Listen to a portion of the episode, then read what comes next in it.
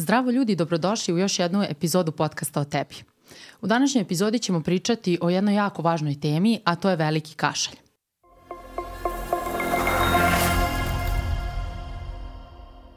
U studiju sa mnom je profesorka Slobodanka Đukić, specijalista mikrobiologije sa parazitologijom, kao i subspecijalista kliničke mikrobiologije. Ona je takođe redovni profesor na Medicinskom fakultetu Univerziteta u Beogradu. Profesorka, danas nam je glavna tema veliki kašalj. Međutim, pre nego što počnemo da pričamo o ovoj veoma ozbiljnoj temi, treba da napravimo neki uvod. I ja bih voljela da vas pitam a, šta su to dobre, a šta su to loše bakterije? Jedno na izgled veoma jednostavno pitanje.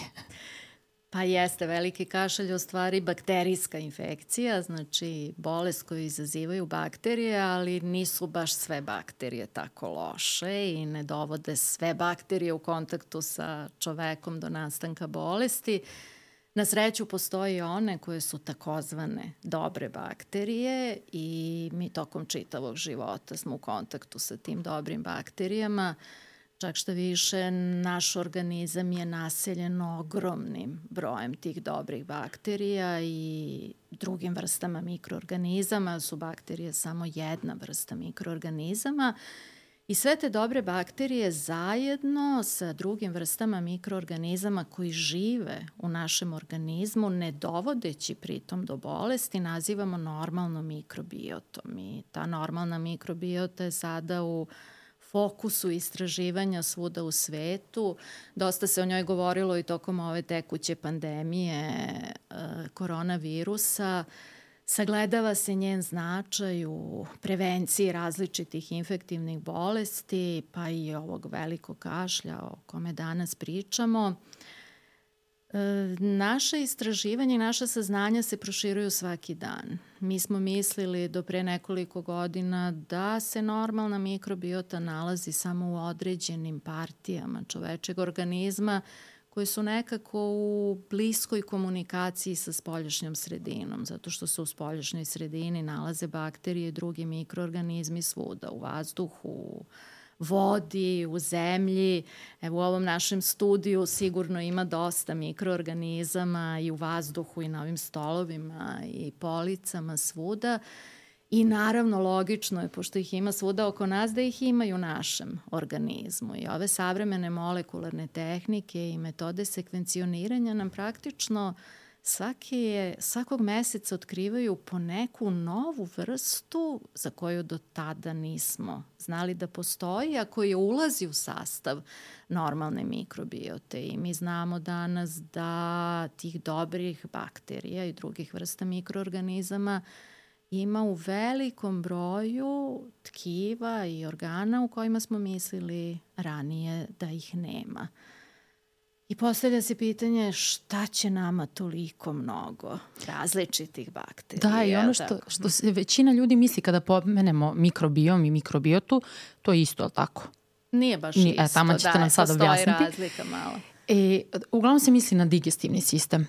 Iskreno, redko ko pomisli da u respiratornom sistemu ima to da je postoje. Tako je, da. Yes. Sad nam tamo objasnite šta je da. razlika između mikrobioma pa, i mikrobiote. Mikrobiotu čine mikroorganizmi koji žive u našem organizmu ne dovodeći pritom do nastanka bolesti, a svi ti mikroorganizmi zaista, zajedno sa svojim produktima i svojim genima čine mikrobiom. E, tako da ogroman broj ogroman broj rodova, vrsta mikroorganizama gradi tu mikrobiotu. Najviše zaista ima u crevnom traktu čoveka, pogotovo u tim distalnim partijama crevnog trakta. Tu nekako ima i najviše hrane za, za bakterije i logično da ih tu ima najviše, međutim ima ih na koži. Kože su u stalnoj komunikaciji sa spoljašnjom sredinom Ima ih u urinarnom traktu, genitalnom traktu, na konjuktivi oka, spoljašnjem slušnom kanalu i naravno u respiratornom traktu. I tu smo dosta promenili saznanje, ali smo mislili do pre nekoliko godina da se recimo u plućima, znači u donjim partijama respiratornog trakta nikada ne nalaze uh, te dobre bakterije koje su deo mikrobiote, međutim danas znamo da uh, I te donje partije respiratornog trakta takođe imaju normalnu mikrobiotu. Naravno da je mnogo raznovrsnija i brojnija ona koja se nalazi u gornjim partijama, recimo u nosnoj šupljini, jer nosna šupljina je u stalnoj komunikaciji sa spoljašnjom sredinom, ali ima je praktično duž celog respiratornog trakta. I postavlja se pitanje zbog čega. To zbog čemu čega služi? imamo toliko mnogo različitih bakterija na nama i u nama i odgovor je vrlo jednostavan. E, osnovna uloga te normalne mikrobiote je zaštita od infekcije. Znači da nemamo normalnu mikrobiotu mi bismo verovatno bili stalno bolesni jer smo kontinuirano u kontaktu sa mikroorganizmima koji se nalaze svuda od nas i na različite načine te dobre bakterije koje su deo normalne mikrobiote nas u stvari štite od infekcije. I u određenom sistemu, ukoliko zaista postoji dobra normalna mikrobiota, na neki način je ta osoba prilično zaštićena od infekcije. Naravno, u kontaktu sa strikno patogenim mikroorganizmima dolazi, nažalost, često i do razvoja bolesti, ali mnogo će e, pre doći do razvoja bolesti kod osobe koja na neki način ima narušenu mm -hmm. normalnu mikrobiotu. Šta je to narušava? Na koji sve način mi uspevamo da urnišemo našu da. mikrobiotu da. i, i ne samo sami, nego i u posljednje vreme često priča o zagađenom vazduhu prisutna ovde kod nas. Verujem da i to dosta narušava kvalitet mikrobiote, a i generalno sad ćete nam vi reći na koji sve način mi to uništavamo pa, našu da, mikrobiotu. Razni, razni faktori utiču na sastav mikrobiote. Naravno, genetika je tu dosta važna, međutim i način i stil života, tako, način ishrane, e, vrsta aktivnosti kojom se bavimo, zagađenost vazduha, sve to utiče. Ali ono pušenje, što posebno, pušenje svakako, kada da. je u pitanju respiratorna mikrobiota, to je posebna vrsta oštećenja respiratornog epitela. Taj respiratorni epitel nekako bude ogoljen kod pušača i on je kao takav e, vrlo prijemčiv za različite patogene mikroorganizme. Ali ono što moram da istaknem to je da su i antibiotici mm -hmm. izuzetno važan faktor koji narušava normalnu mikrobiotu, u nju grade bakterije i te dobre bakterije su osetljive na dejstvo antibiotika kao i ove patogene. I mi čestim upornim korišćenjem različitih antibiotika u stvari smanjujemo broj tih dobrih bakterija i smanjujući njihov broj, s obzirom da je njihova uloga važna u zaštiti od infekcije, mi u stvari postajemo podložniji infekciji izazvanom patogenim mikroorganizmima, tako da je to još jedno od neželjenih, da kažem, dejstava antibiotika koji se, pogotovo na temu respiratornih infekcija, prepisuju previše često. To. Previše često, jer te respiratorne infekcije ipak najčešće izazivaju virus i antibiotici su antimikrobni agensi koji ne deluju na viruse, deluju na bakterije i potpuno je strašno da uh, često deci kojima curi nos i koji malo kašljuckaju, da im se odmah daje antibiotik često i bez odgovarajuće mikrobiološke analize koja bi potvrdila da li je uzročnik tog kašljucanja i tog curenja iz nosa neka bakterija ili neki virus. Sad ovo što ste sve ispričali, otvorilo mi je dve neke no, dva nova pitanja.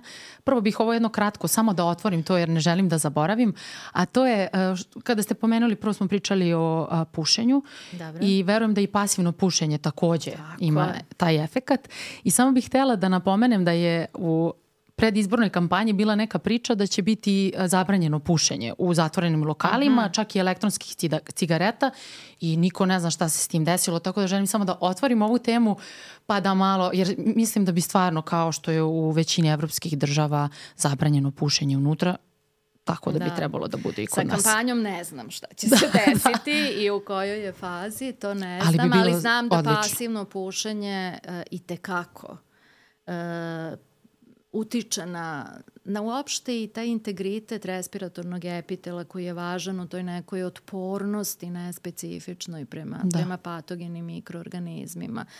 Jer ako sad se fokusiramo na respiratorni trakt, pošto ćemo pričati o velikom kašlju, e, nekako e, sam taj respiratorni sistem e, se na neki način brani od infekcije. U toj odbrani od infekcije je važan integritet tog respiratornog epitela, znači očuvano svih ćelija koje ga grade. Važno je prisustvo različitih antibakterijskih i uopšte antimikrobnih substanci u toj sluzi koja se nalazi preko tih respiratornih ćelija, u pljuvački u salivi mi imamo jako mnogo respiratornih substanci, duž celog respiratornog trakta. Imamo različite imunološke molekule koji se tu nalaze. Baš je kod male dece, pošto su ona najsklonija teškim kliničkim manifestacijama velikog kašlja, dokazano da ukoliko su ta mala deca na neki način pasivni pušači, ukoliko se u porodici u kojoj su um, koristi duvan, jel tako, da je kod njih veća verovatnoća da će doći do još teže kliničke slike, jer taj duvan utiče na, na integritet respiratornog epitela i na njegovu sposobnost da se urođeno brani uh -huh. od patogenih bakterija. I to, i kao što ste malo pre pomenuli, onda će češće dolaziti i do nekih blažih respiratornih uh, a, infekcija ili da vi, to virusnih. Kako da ne? I onda se tu ulazi u taj začarani krug Tako i kao što je. ste malo pre pomenuli kod antibiotika, to mi se jako dopalo što ste rekli, jer a, kada pričamo o antibiotskoj rezistenciji, dosta ljudi ima tendenciju da okrivi narod samo za da. iracionalnu upotrebu antibiotika i to jeste jedan veliki deo problema i tu uvek apelujemo na ljude da ne koriste to na svoju ruku zbog svega navedenog. Uh, A druga stvar, a, ovo što ste rekli da se jako često propisuje.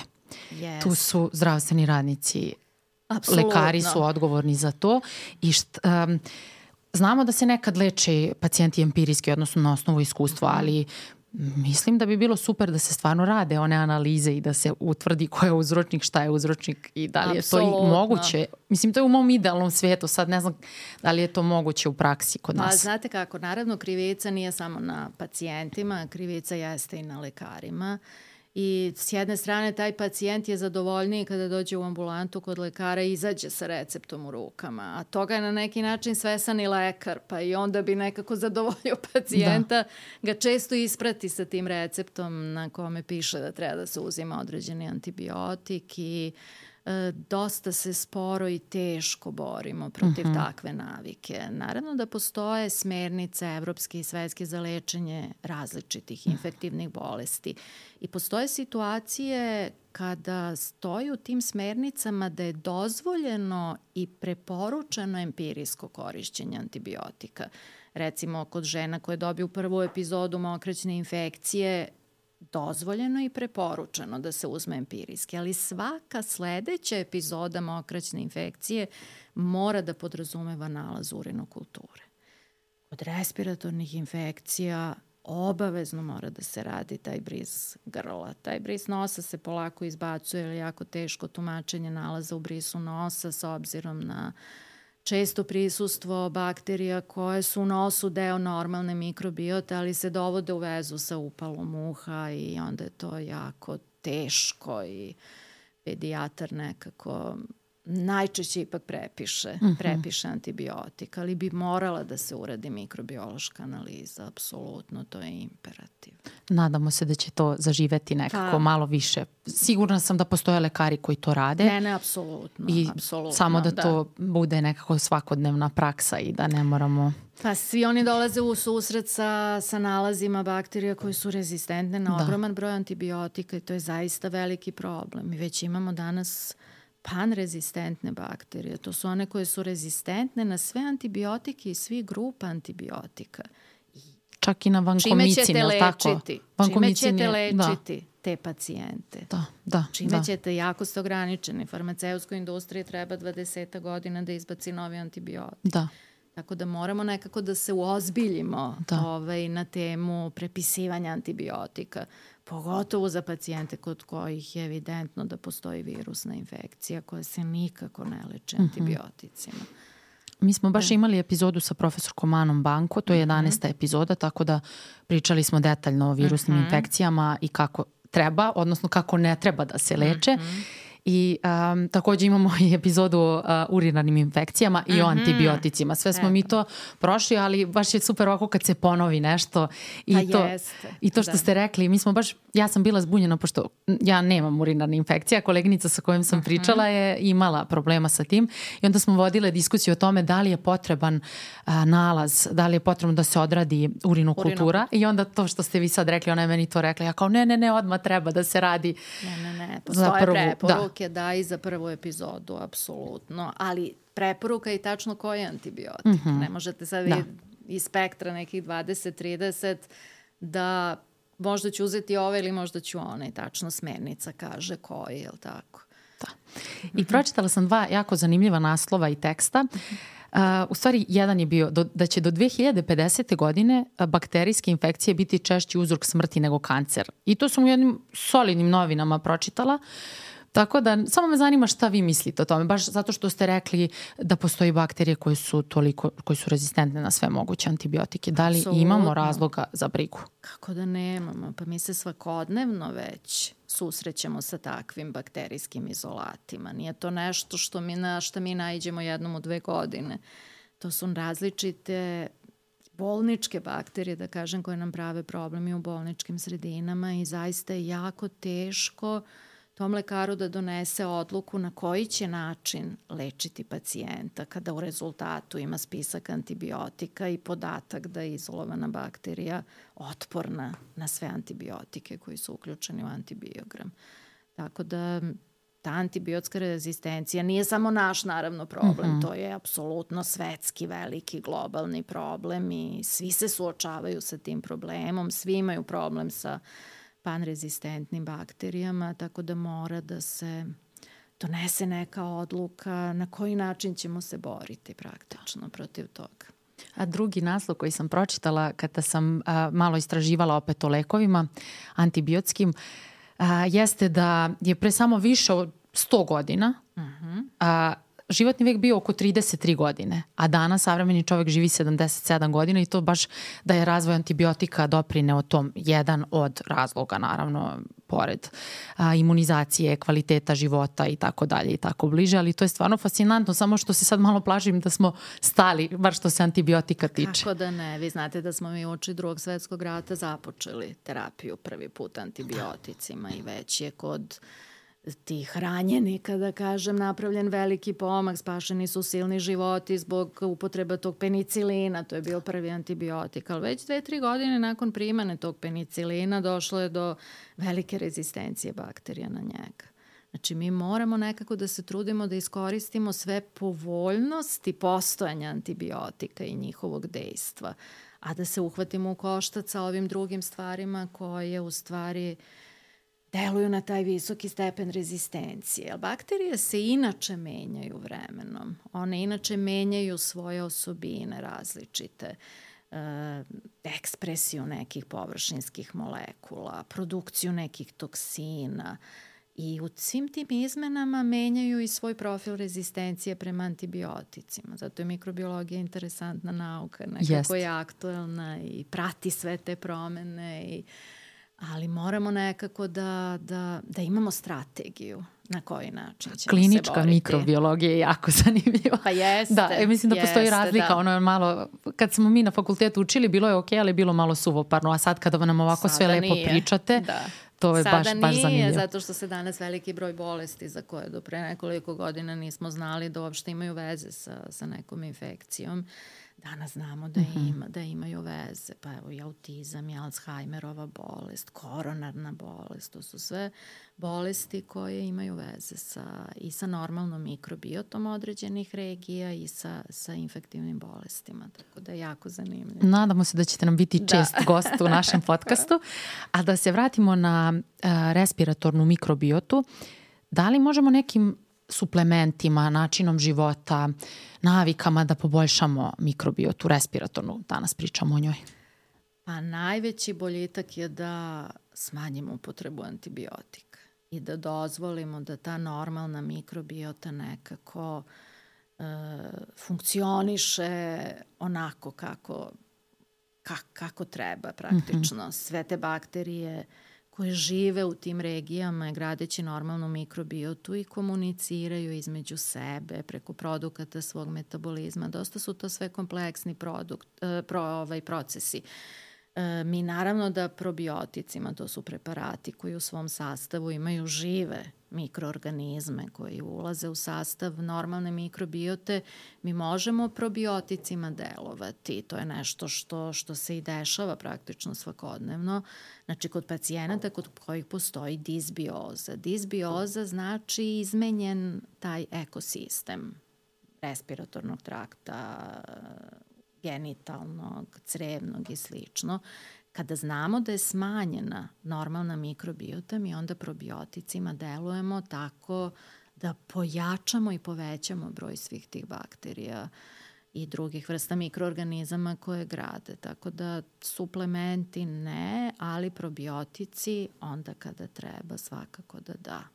E, simptomi, pretpostavljam, kako možemo da primetimo disbiozu tako što imamo česte respiratorne infekcije ili nešto drugo? pa, disbioza takođe može da izazove problem. Znači, ne mora samo infekcija. To se naravno najbolje vidi na primeru genitalnog trakta. Uh mhm. -huh. Vaginalna disbioza je danas najčešći uzročnik smetnji kod žene, praktično uh -huh. češće je od infekcije izazvane kandidom, trihomonasom i, i sličnim agensima. Ali naravno i kod osoba koje imaju česte respiratorne infekcije takođe treba razmišljati o disbiozi. Znači, ako je osnovna uloga mikrobiota odbrana od, infekcija, a vi često imate mhm. problem sa infekcijama, logično je da ta mikrobiota baš e, ne funkcioniše kako treba, nema tu svoju osnovnu, da kažem, ulogu. Ono što je, kada je probiotik u pitanju, ja nisam, danas u pripremi uopšte nisam mhm. naletela na tako nešto, pa da li postoje neki sojevi koji vi sad znate ovako da nam kažete, koji su dobri baš za respiratorni sistem? Ma ima različitih vrsta probiotika mm -hmm. ovaj, i u vidu vaginaleta i u vidu sprejova, u vidu čak da. dezodoransa, neki, većina se perosu uzima mm -hmm. i slično. I većina njih uh, ima na neki način sličan sastav. Pa da, znači, ide. ima tih bakterija kojih imaju crevima u sastavu normalne mikrobiote, ima ih i u respiratornom mm -hmm. traktu, ima ih i u i u genitalnom traktu, tako da mi danas u, koristimo probiotik koji se pije pero za prevenciju mokraćnih infekcija. Mm -hmm. Tako da sve je to nekako povezano. Nema sad respiratorni e, trakt dominantno toliko drugačiju uh mhm. -huh. mikrobiotu. Naravno da se razlikuje od crevne ili genitalne, ali nisu to sad neke potpuno drugačije vrste mikroorganizama. Tako da mogu da se koriste ovi postojeći. Ne postoji probiotik koji je samo, samo za, za respiratorni da. Odlično. Da, I da. da li postoji po vašem mišljenju neko ograničenje kada je, koliko vi smatrate da treba da se pije taj probiotik? Mislim, to bi pa, ja kao farmaceo da. trebalo da odgovorim, ali iskreno to i dalje stoji kao pitanje koje neki stručnjaci govore da može non stop, neko kaže da treba da se pravi pauza, pa da čujemo vaše mišljenje. Pa, ja lično nemam iskustvo, znam da se preporučuje dugotrajna primjena kod osoba koje baš imaju dokazanu disbiozu, uh mhm. -huh. česte urinarne infekcije, česte vaginalne infekcije, diareje, znači tu se dugotrajna primjena probiotika savjetuje, ali vi e, između tih primjena probiotika treba da utvrđujete sastav te normalne mikrobiote na neki način da je pratite. Postoje načini kako to može uh -huh. da mhm. se radi, tako da Tako da svakako, kao što posle primene antibiotika vi uradite kontrolnu analizu da vidite da li je taj antibiotik odradio, odradio ono što je trebao da odradi, isto tako može i posle određenog perioda korišćenja probiotika da uh -huh. se mhm. iskontroliše da li je došlo do, do boljitka. Neću još mnogo da vas gnjavim sa ovim uvodnim delom, ali to sad će mnogo ljudi da postavi pitanje kako da provere svoj respirat, svoju respiratornu mikrobiotu. Da li postoji samo neki test ili Pa ne postoji test za mm -hmm. samo respiratornu mikrobiotu, ali mi danas e, pravimo često tokom mikrobiološkog ispitivanja i različite direktne mikroskopske preparate. Na njima se vidi odnos tih različitih bakterija koje postoje u nekoj regiji, tako da to recimo mm -hmm. dosta pomaže molekularnim tehnikama je moguće takođe dokazati prisustvo i onih bakterija koje ne možemo da dobijemo u kulturi, tako da nije to nešto što treba da se radi, mm -hmm. nešto što pacijent treba da ode kod lekara i da kaže ja hoću sad da vidim mm -hmm. kakva je moja normalna mikrobiota. Zapamtite ovo, zapamtite ovo. za respiratorno, da, za ove da. druge neke to je već malo drugačija priča, mm -hmm. da. da. E sad, na koji način jedna bakterija, tamo možemo da pređemo i na veliki kašalj, uh, jedna patogena bakterija može da dovede do potencijalno smrtonosne bolesti. Možemo taman da se fokusiramo na da veliki kašalj. Da. Dobro, da. da. Uh, Pa ova normalna mikrobiota dosta štiti. Sada se vežemo za respiratorni trakt samo. Znači te, e, te bakterije zauzimaju receptore na površini ćelija respiratornog epitela. Čak vrlo često grade jednu strukturu koju nazivamo biofilmom, koja kao neka vrsta filma prekriva taj respiratorni epitel. I onda nije lako patogenoj bakteriji da savlada tako veliki broj bakterija koje su normalna nalaz tih dobrih bakterija ili patogena bakterija mora kada uđe uh, u naš organizam na neki način obično se prvo veže za naše ćelije, onda ili uđe u ćelije ili produkuje neki toksin ili neki enzim koji je u stvari važan za patogenezu bolesti koju izaziva. E, izazivač veliko kašlja je bakterija, zove se Bordetella pertussis, po lekaru koji je prvi kultivisao, jednom belgijskom istraživaču Bordeu.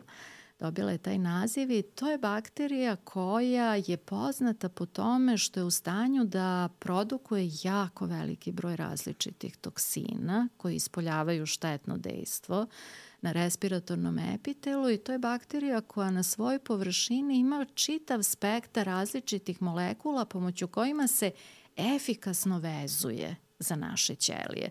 Ne samo ćelije respiratornog epitela, nego i imunske ćelije, tako da je to bakterija koja deluje i na imunski sistem, suprimira efikasan imunski odgovor. Zbog toga je taj veliki kašalj u suštini tako teško oboljenje. E, postoji jedan toksin koji se zove pertusis toksin i verovatno je najvažniji u patogenezi velikog kašlja. To je toksin koji bakterija kada se nađe u respiratornom traktu izluči iz svog tela i to je toksin koji se vezuje za ćelije respiratornog epitela sa trepljama. On ulazi u ćelije respiratornog epitela i potpuno remeti transport kroz tu membranu ćelija respiratornog epitela kao posledice toga izlazi ogromna količina tečnosti i sluzi u lumen respiratornog trakta i ta specifična vrsta kašlja, zbog čega se bolest zove veliki kašlja, je u stvari posledica toga što pacijent ne može da diše normalno ili ima ogromnu količinu sluzi u lumenu respiratornog trakta koji ne uspeva nikako da izbaci napolje. I onda se muči, ne može taj udisaj da bude praktično efikasan, uh, i zato je ta, taj zvučni efekt koji podsjeća na, na Riku u stvari i do, doneo taj naziv magareći kašalj, da. veliki ili magareći kašalj. Znači, praktično ta sitna, nevidljiva bakterija, ali bakterije ne vidimo golim okom, izluči još sitni toksin iz svog tela kada se nađe u lumenu respiratornog trakta i potpuno se poremeti sekrecija kroz membranu i stvara se ogromna količina sluzi. S druge strane, preko tih molekula koji se nalazi na površini bakterije, ona se vezuje za naše ćelije, ulazi u naše ćelije, može da živi u našim ćelijama i praktično uh, onesposobljava imunske ćelije da uh, funkcionišu onako kako treba u smislu eliminacije svega onog što je patogeno.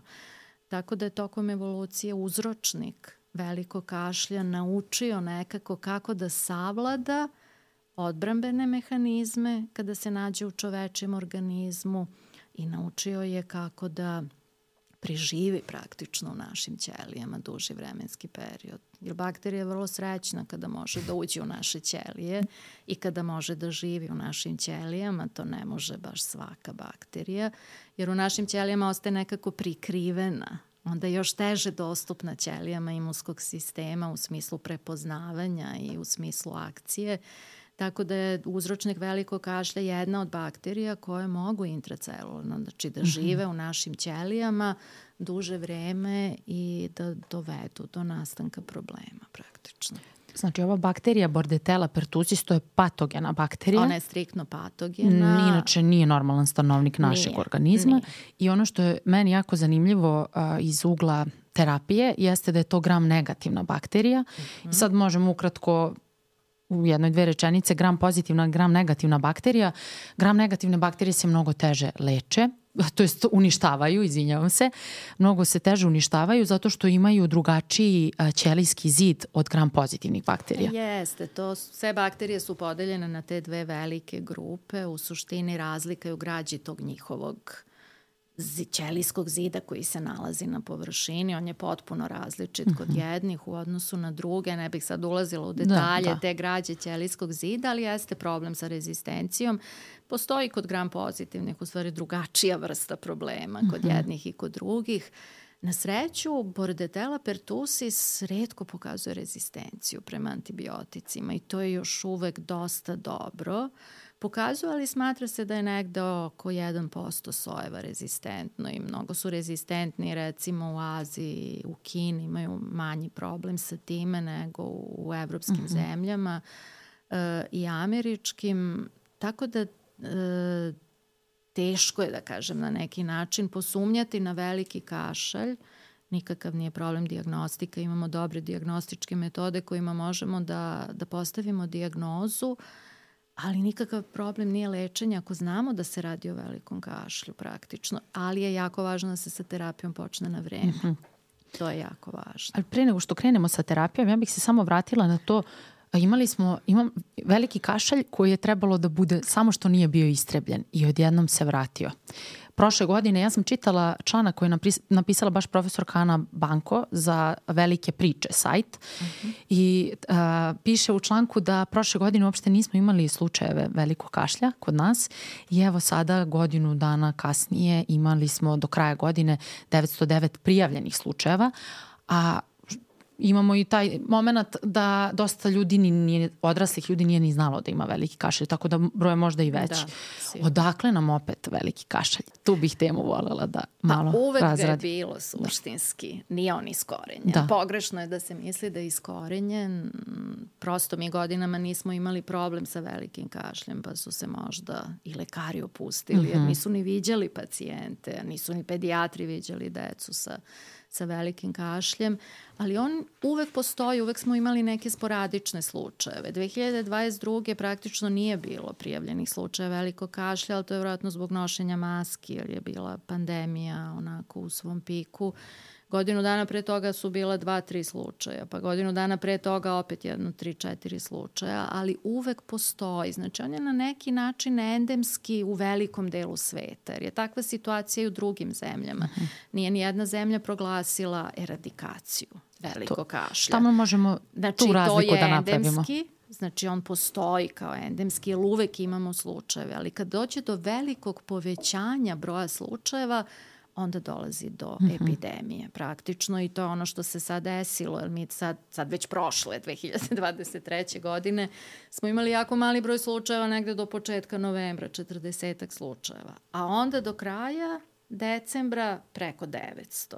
Znači desila se epidemija mm -hmm. praktično ali nije se on pojavio sad kada, kao neka nova bolest i nije bakterija nestala pa se sad volšebno vratila. Mm -hmm. Uvek je ona tu bila prisutna na, na nekom malom nivou. Imali smo mi ranije, ne mi postojalo u svetu, veći broj epidemija, bilo je 80. godina, e, recimo u skandinavskim zemljama, u Velikoj Britaniji, e, kada je dolazilo zbog primene te vakcine koja se ranije više koristila, DTPR vakcine, gde kada je u pitanju zaštita od velikog kašlja, u vakcini se nalazila mrtva bakterija, mrtva Bordetella pertussis, bilo je od nekih lokalnih neželjenih efekata na mestu davanja vakcine i bilo je kod jako malog procenta pacijenata nekih neuroloških manifestacija i onda uh, na zahtev roditelja u tim zemljama je se prestalo sa vakcinacijom protiv velikog kašlja i pošto su se malo i lekari opustili ili ni oni nisu viđali pacijente, obole od velikog kašlja, odgovorili su na taj zahtev roditelja, nažalost pozitivno i odmah je došlo do mhm. epidemije. Recimo 80. godina je bilo skoro 30 miliona obolelih od velikog kašlja sa nekih 200.000 smrtnih ishoda. Znači, povremeno svuda je endemska, ali povremeno iz nekih razloga dolazi do, do epidemija praktično i to je ono što se nama sada desilo. I samo bih da definišemo dva termina koje nas sve zbunjuju i to je, baš sam izvukla jer ne mogu ove definicije da učim na pamet. Dobre. Iz zakona o zaštiti stanovništva od zaraznih bolesti, baš to, a, eliminacija, odnosno odstranjivanje nekog, neke zarazne bolesti i iskorenjivanje, odnosno eradikacija. Eliminacija određene zarazne bolesti jeste odsustvo klinički ispoljene bolesti na određenoj teritoriji uslovima postojanja agensa uz provođenje nadzora radi otkrivanja unosa te zarazne bolesti iz drugih zemalja i mera radi sprečavanja njenog prenošenja. Znači mi smo imali, bolest je bila eliminisana neko Tako vreme. Je. To. Nije bila eradicirana. To. Eradikaciju ne. Imamo eradikaciju velikih boginja. To je da nestane boginja. skroz. Tako je. I to su samo Ali velike to, boginje. Da, apsolutno, da. da. Znači, veliki kašalj nigde u svetu. On je u najvećem delu sveta, ako ne u celom svetu, endemski praktično. Da, da zato što samo je pitanje neko ima malo veći, neko mali, malo manji problem sa uh mhm. velikim kašljem, zavisi kakav je odaziv na vakcinaciju, imamo zemlje gde je jako mali, imamo zemlje gde je dosta, dosta veliki i to i tekako utiče na, na broj slučajeva i na pojavu epidemije. Sad mi se nametnulo jedno pitanje, a, neko je u većem problemu, nekom, neko u manjem. Šta mi kažete gde smo mi sad trenutno? Između. Pa Ili mi u većem. smo da tu negde između. Da. Da, tu negde između. Ovaj, kod nas je sad stvarno veći broj slučajeva nego što smo imali u poslednjih 20 mhm. godina. Mm -hmm. Nikad nije bilo ovoliko slučajeva.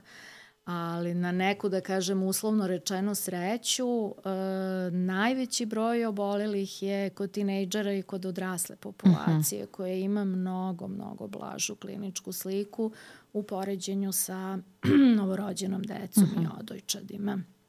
To je da kažem, to je da kažem dobro. Mm -hmm. Možemo sada da pređemo na postavljanje diagnoze i na simptome velikog kašlja. Ja sam gledala razne vide koji mož, mogu da se pronađu na YouTube-u, samo se ukuca pertusis ili ne znam kako se na engleskom zove nešto whooping. Coach, da. Da, da. E, i to, to je toliko bolno za gledati kad su mala deca u pitanju.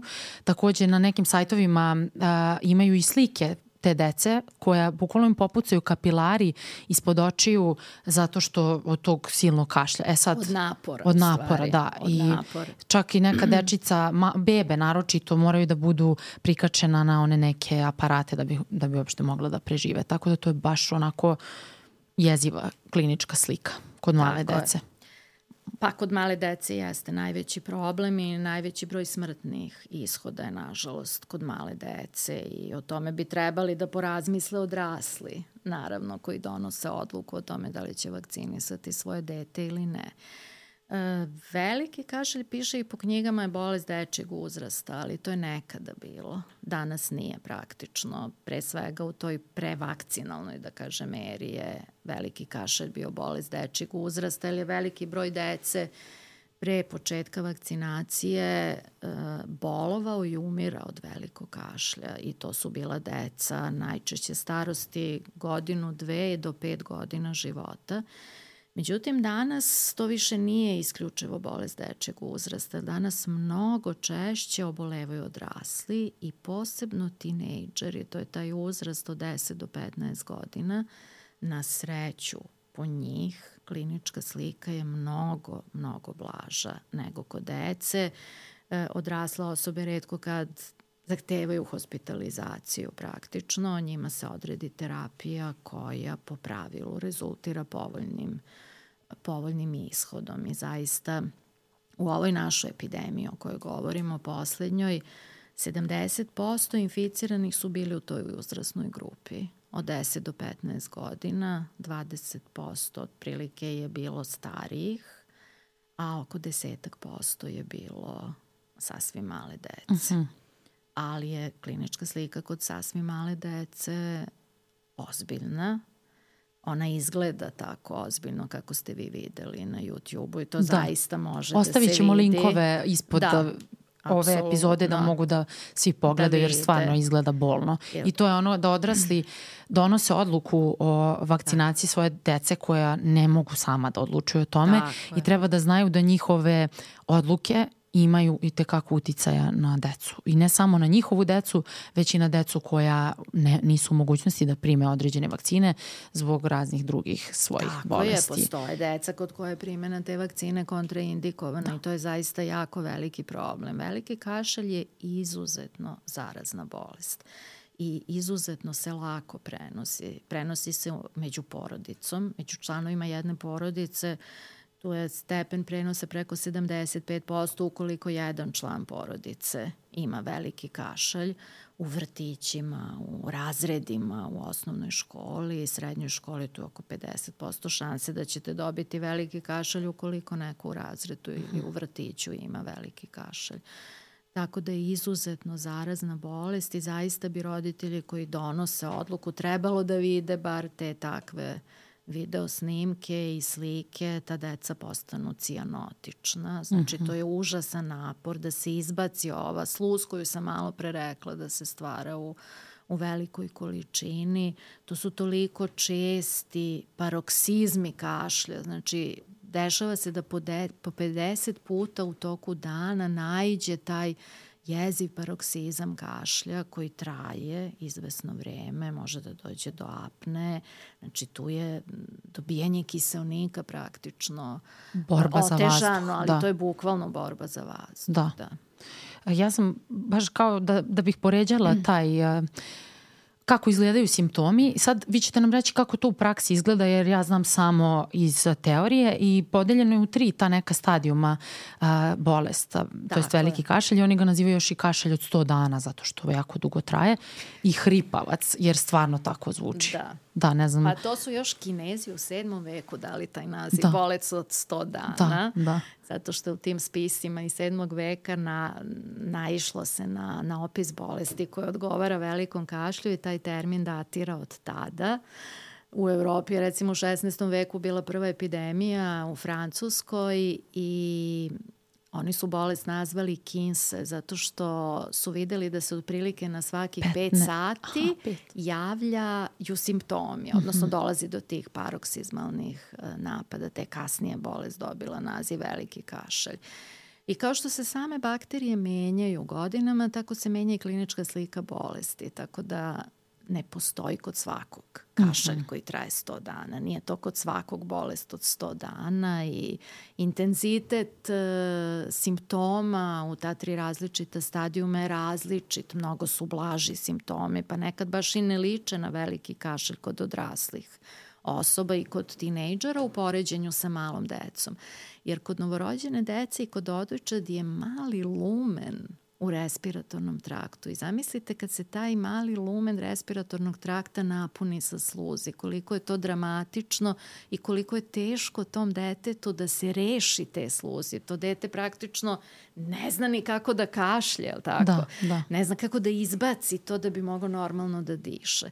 Tako da piše po svim knjigama da su to mhm. tri klinička stadijuma i zaista postoje kao tri stadijuma koji su potpuno drugačiji, jer u tom prvom stadijumu kada je osoba najinfektivnija, kada je najveća šansa da će preneti drugoj osobi koja nema imunitet protiv velikog kašlja, taj stadijum uopšte ne liči na veliki kašalj. Taj prvi stadijum koji traje jednu do dve nedelje liči na običnu prehladu. Čak e, inficirana osoba najčešće ni temperaturu nema.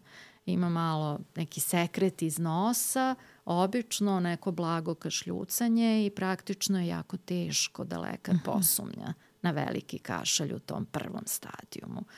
Ali posle te jedne do dve nedelje sledi taj drugi stadijum, to je taj tipičan stadijum mm -hmm. sa ovim paroksizmima o kojima smo pričali, koji su izuzetno česti, koji su čak noću možda i češći nego danju i osoba može da ima po 50 iscrpljujućih paroksizama velikog kašlja u toku jednog dana.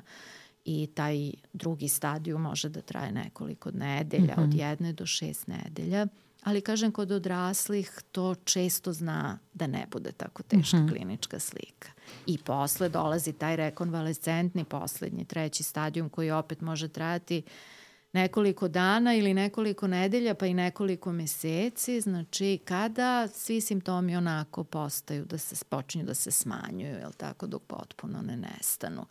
Kritičan je ovaj prvi stadijum, zato što on ne liči baš na klasičan veliki kašalj, a to je stadijum kada je osoba najinfektivnija, kada najlakše prenosi uh, infekciju na, na svoju okolinu, a to je stadijum gde je antibiotska terapija najefikasnija. Znači, zato je važno što pre prepoznati u stvari bolest.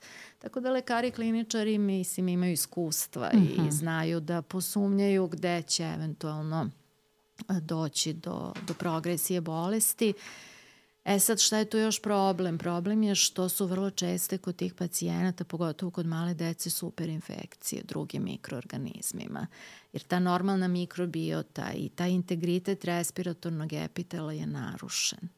Znači, e, bakterija koja izaziva veliki kašalj uništava recimo treplje na površini respiratornih ćelija. Te treplje su jako važne, sve što upadne u respiratorni trakt, akcijom treplji se izbacuje napolje i kroz akt kašlja nije baš kašalj uvek patološki znak. Mhm. Znači, on je deo neke nespecifične odbrane, da sve ono neko strano telo koje uđe u respiratorni trakt, onda kod različitih alergija, alergeni ili pak mikroorganizmi, ako dobro funkcioniše ta odbrana respiratornog trakta i ako pacijent ima dobru mikrobiotu, izbaci se to relativno efikasno iz respiratornog trakta ali pacijent koji ima veliki kašalj ima narušenu i mikrobiotu i respiratorni epitel. Uništene su te ćelije respiratornog epitela, uništene su treplje koje sad ne mogu da izbace ono što je ušlo u respiratorni trakt, a uđe neki respiratorni virus ili neka bakterija i onda dođe, mi kažemo, do superinfekcije. I onda takav mikroorganizam sada može da izazove pneumoniju. I onda ako imate kao pacijenta malo dete novorođeno dete koje dobije i pneumoniju kao sekundarnu infekciju, onda je to zaista još teža klinička slika i još veći problem za lečenje.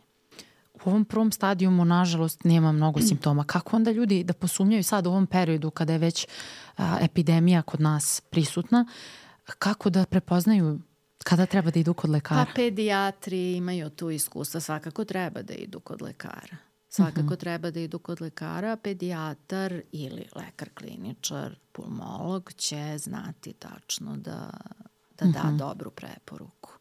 Da, i ja sam pronašla samo da se laboratorijska potvrda diagnoze pertusisa uh, dobija, to jest analiza se šalje u, centru, u Centar za mikrobiologiju Instituta za javno zdravlje Srbije dr. Milan Jovanović Batut. E sad, to lekar treba da uputi pacijenta, je li tako? Yes. To je najbolja opcija. Mislim, diagnostika se ne radi tamo, radi se i u drugim mikrobiološkim mm -hmm. laboratorijama i u Beogradu i u čitavoj Srbiji.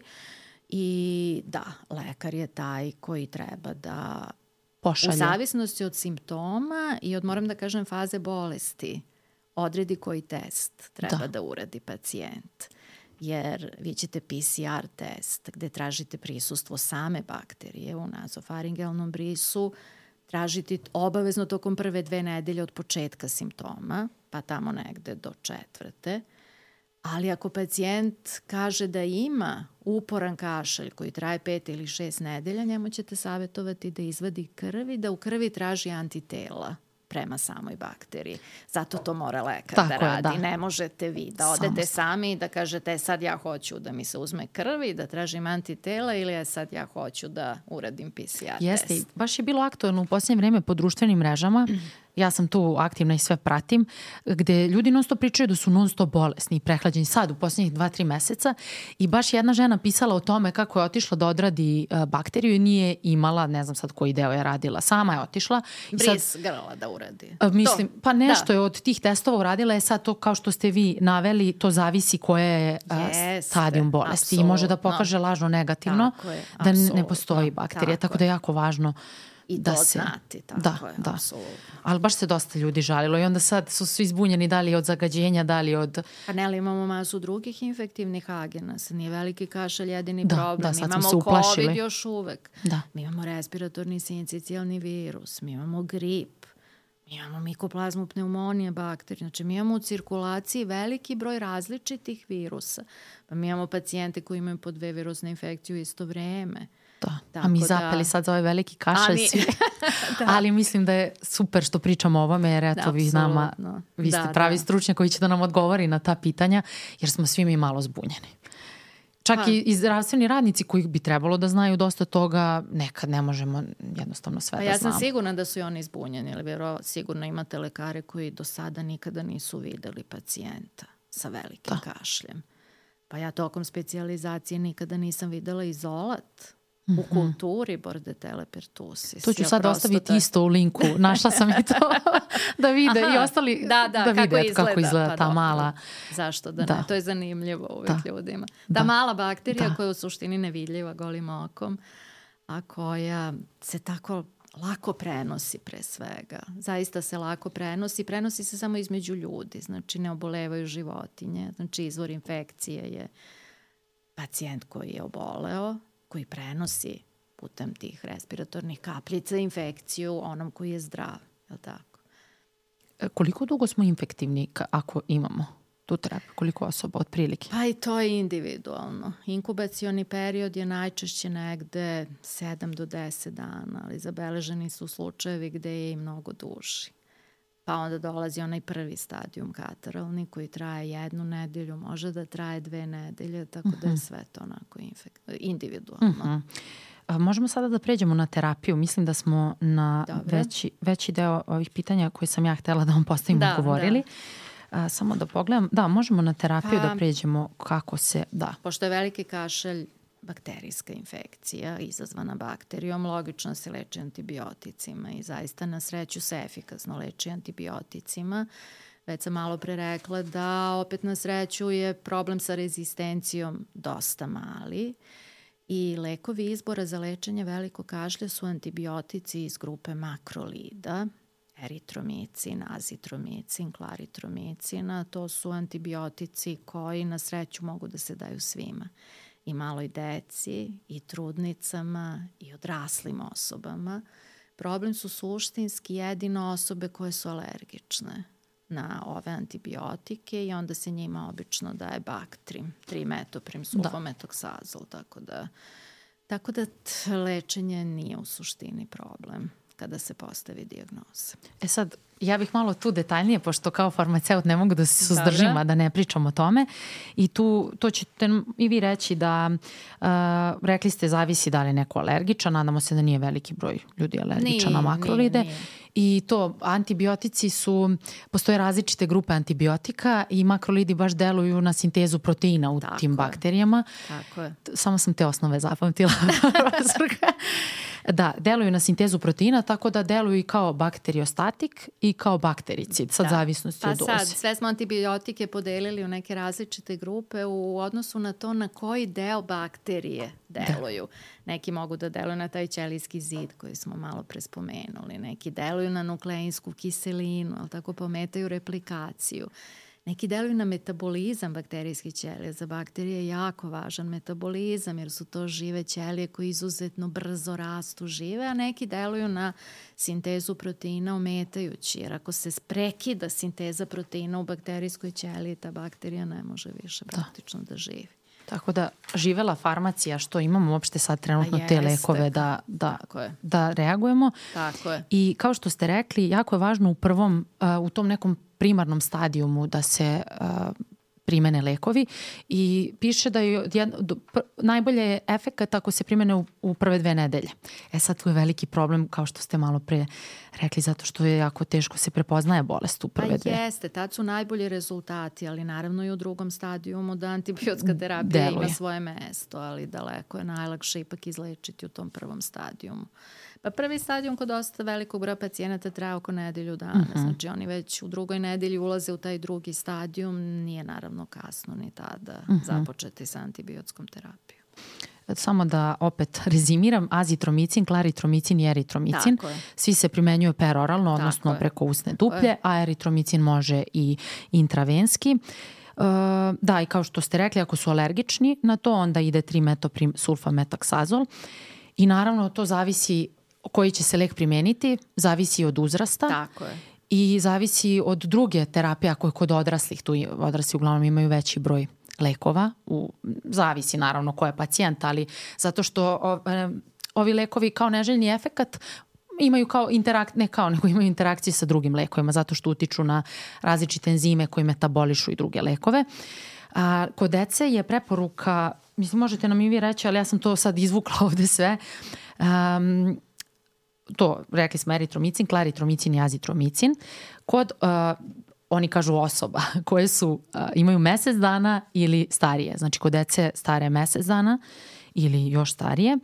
A za uh, dečicu koje imaju dva meseca uh, ok, može da se primenjuje trimetoprim sulfametoksazol, koji su mlađi od jednog meseca, preporučuje se da se ovi makrolidi sa malo većim oprezom koriste i kod njih se koristi azitromicin najviše. I tu je kao neželjni efekt koji se pojavljivao a, samo mislim da je to značajno za zdravstvene radnike koji slučaju, a, može se javiti infantilna hipertrofična stenoza pilorusa. To se redko javlja. To se redko javlja. Jako, jako redko, ali tako čisto je. da znaju i baš kažu da kod te male, male dece treba voditi računa, ali to je, tu je lekar i on pa prati jeste. to. Lekar je taj koji određuje da. terapiju. Da. Znači, apsolutno pacijent nije taj koji treba da, da. pročita da. negde na internetu da se to nešto leči na ovaj ili na onaj Tako način je. i da sam uzima terapiju. Znači, lekar je apsolutno taj, to su pravi antibiotici i lekar prepisuje I tako, terapiju. I kod ovog neželjenog efekta korist i te kako prevazilazi rizik. A tako ja sam to je. pomenula zato što znam da će ljudi da odu i da googlaju i naći će ovo isto što i ja. Mm -hmm. I onda mhm. zato to pominjam da objasnimo baš to sada dok pričamo. Jer oni to pročitaju, ali ne pročitaju ceo tekst, nego samo izvuku iz konteksta. I onda se tako uplaše i onda se to širi brzinom svetlosti. I onda možda neće uzeti antibiotik koji im lekar prepiše, što da. bi bilo pogubno. Pogubno, da. da. I još što se neželjenih efekata tiče kada su makrolidi u pitanju kod starijih osoba koji imaju problem sa uh, srčanih problema koji imaju, koji imaju aritmije, koji koriste određene lekove, određene antiaritmike, tu treba isto povesti računa, ali to lekar ali zna. Ali to opet lekar, da, apsolutno. Takođe. Tako, tako, da, tako ne, da ne ulazimo previše u to. Koji ima uvid u kompletno zdravstveno stanje svakog pacijenta. Da. Jer mi ne treba ni jednu bolest da tretiramo potpuno odvojeno i autistično od drugih nekih bolesti da. koje pacijenti imaju i to se uvek uzima u obzir kada se prepisuje, makar i antibiotska terapija i svaka druga terapija. Znači, da. to, lekar je taj koji treba da ima saznanja o svim tim drugim Jeste. Samo što ja to u svakoj epizodi ja to pričam moj idealni svet i sad tako isto razmišljam i onda mi ljudi kažu Saška ja ne znam u kom ti svetu živiš, u praksi je malo drugačije, lekari nažalost nemaju toliko vremena i onda tako, tako mi se sruši moj ružičasti svet, nažalost. Mi težimo tom vašem ružičastom svetu, valjda će.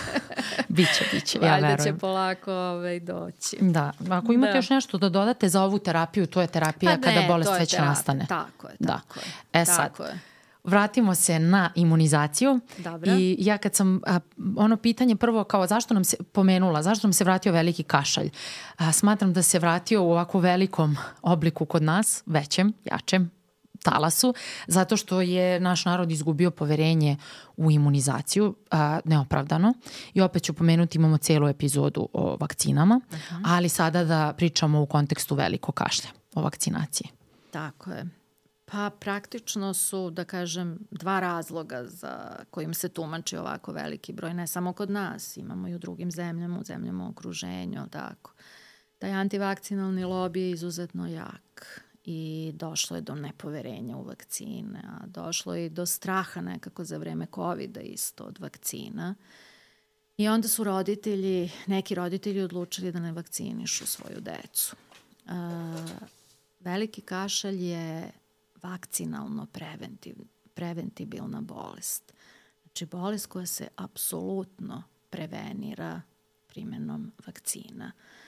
E, vakcina protiv velikog kašlja se daje prvi put sa navršena dva meseca od rođenja deteta. Znači, dete je praktično u ta prva dva meseca malo nezaštićeniji.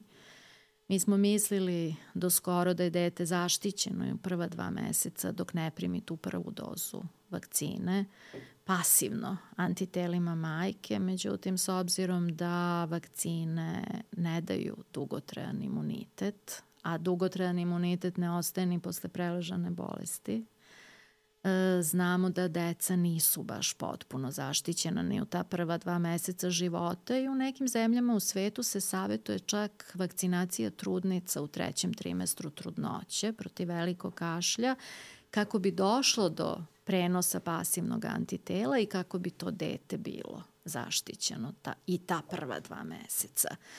Vakcina sa kojom se počelo negde 50. godina u našoj zemlji 60. 1961. ta čuvena DTPR vakcina koja je trovalentna, znači vakcina koja prevenira tri različite infektivne bolesti.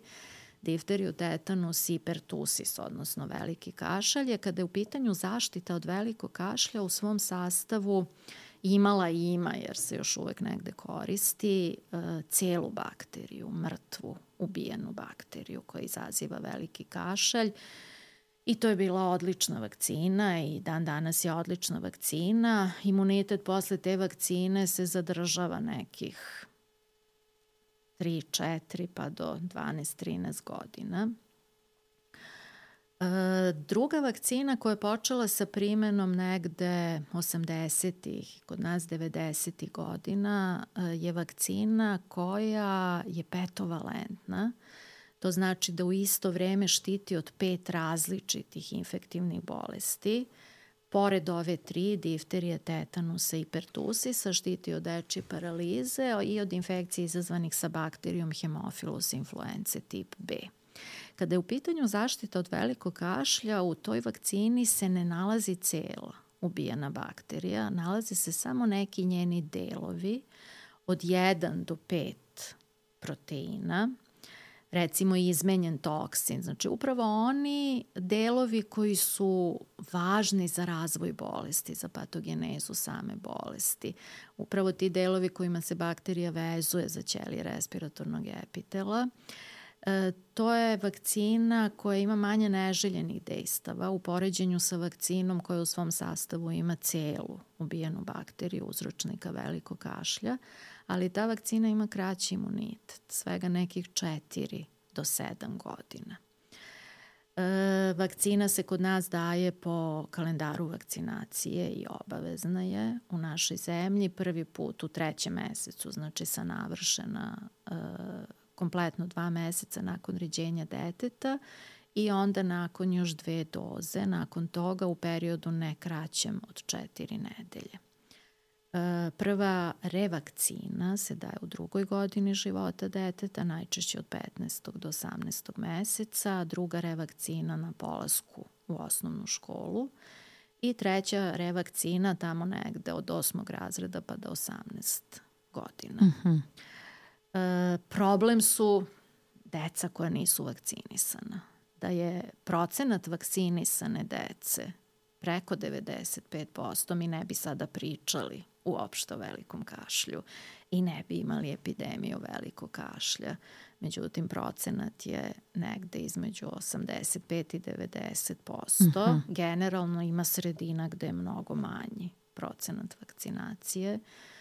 E, najveći broj obolelih je u Beogradu i u Južnobanatskom okrugu ali mislim da je sigurno i u nekim sredinama gde i nemamo još zabeležene obolele, ali mislim da se možda na veliki kašalj u tim sredinama ne misli da se možda mm -hmm. diagnostika ne radi kod svih pacijenata kod kojih postoji sumnja.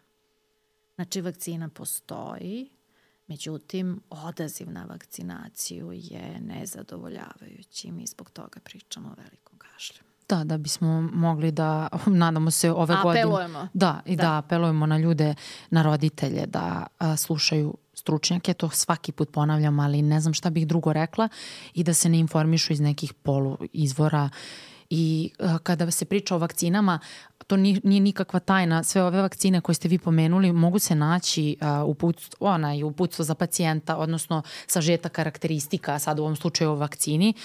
I svaka, oni, tačno se zna ko sme da primi vakcinu. To je uglavnom većina dece je u mogućnosti da primi vakcinu, lekar zna kada sme, kada ne sme da se primi.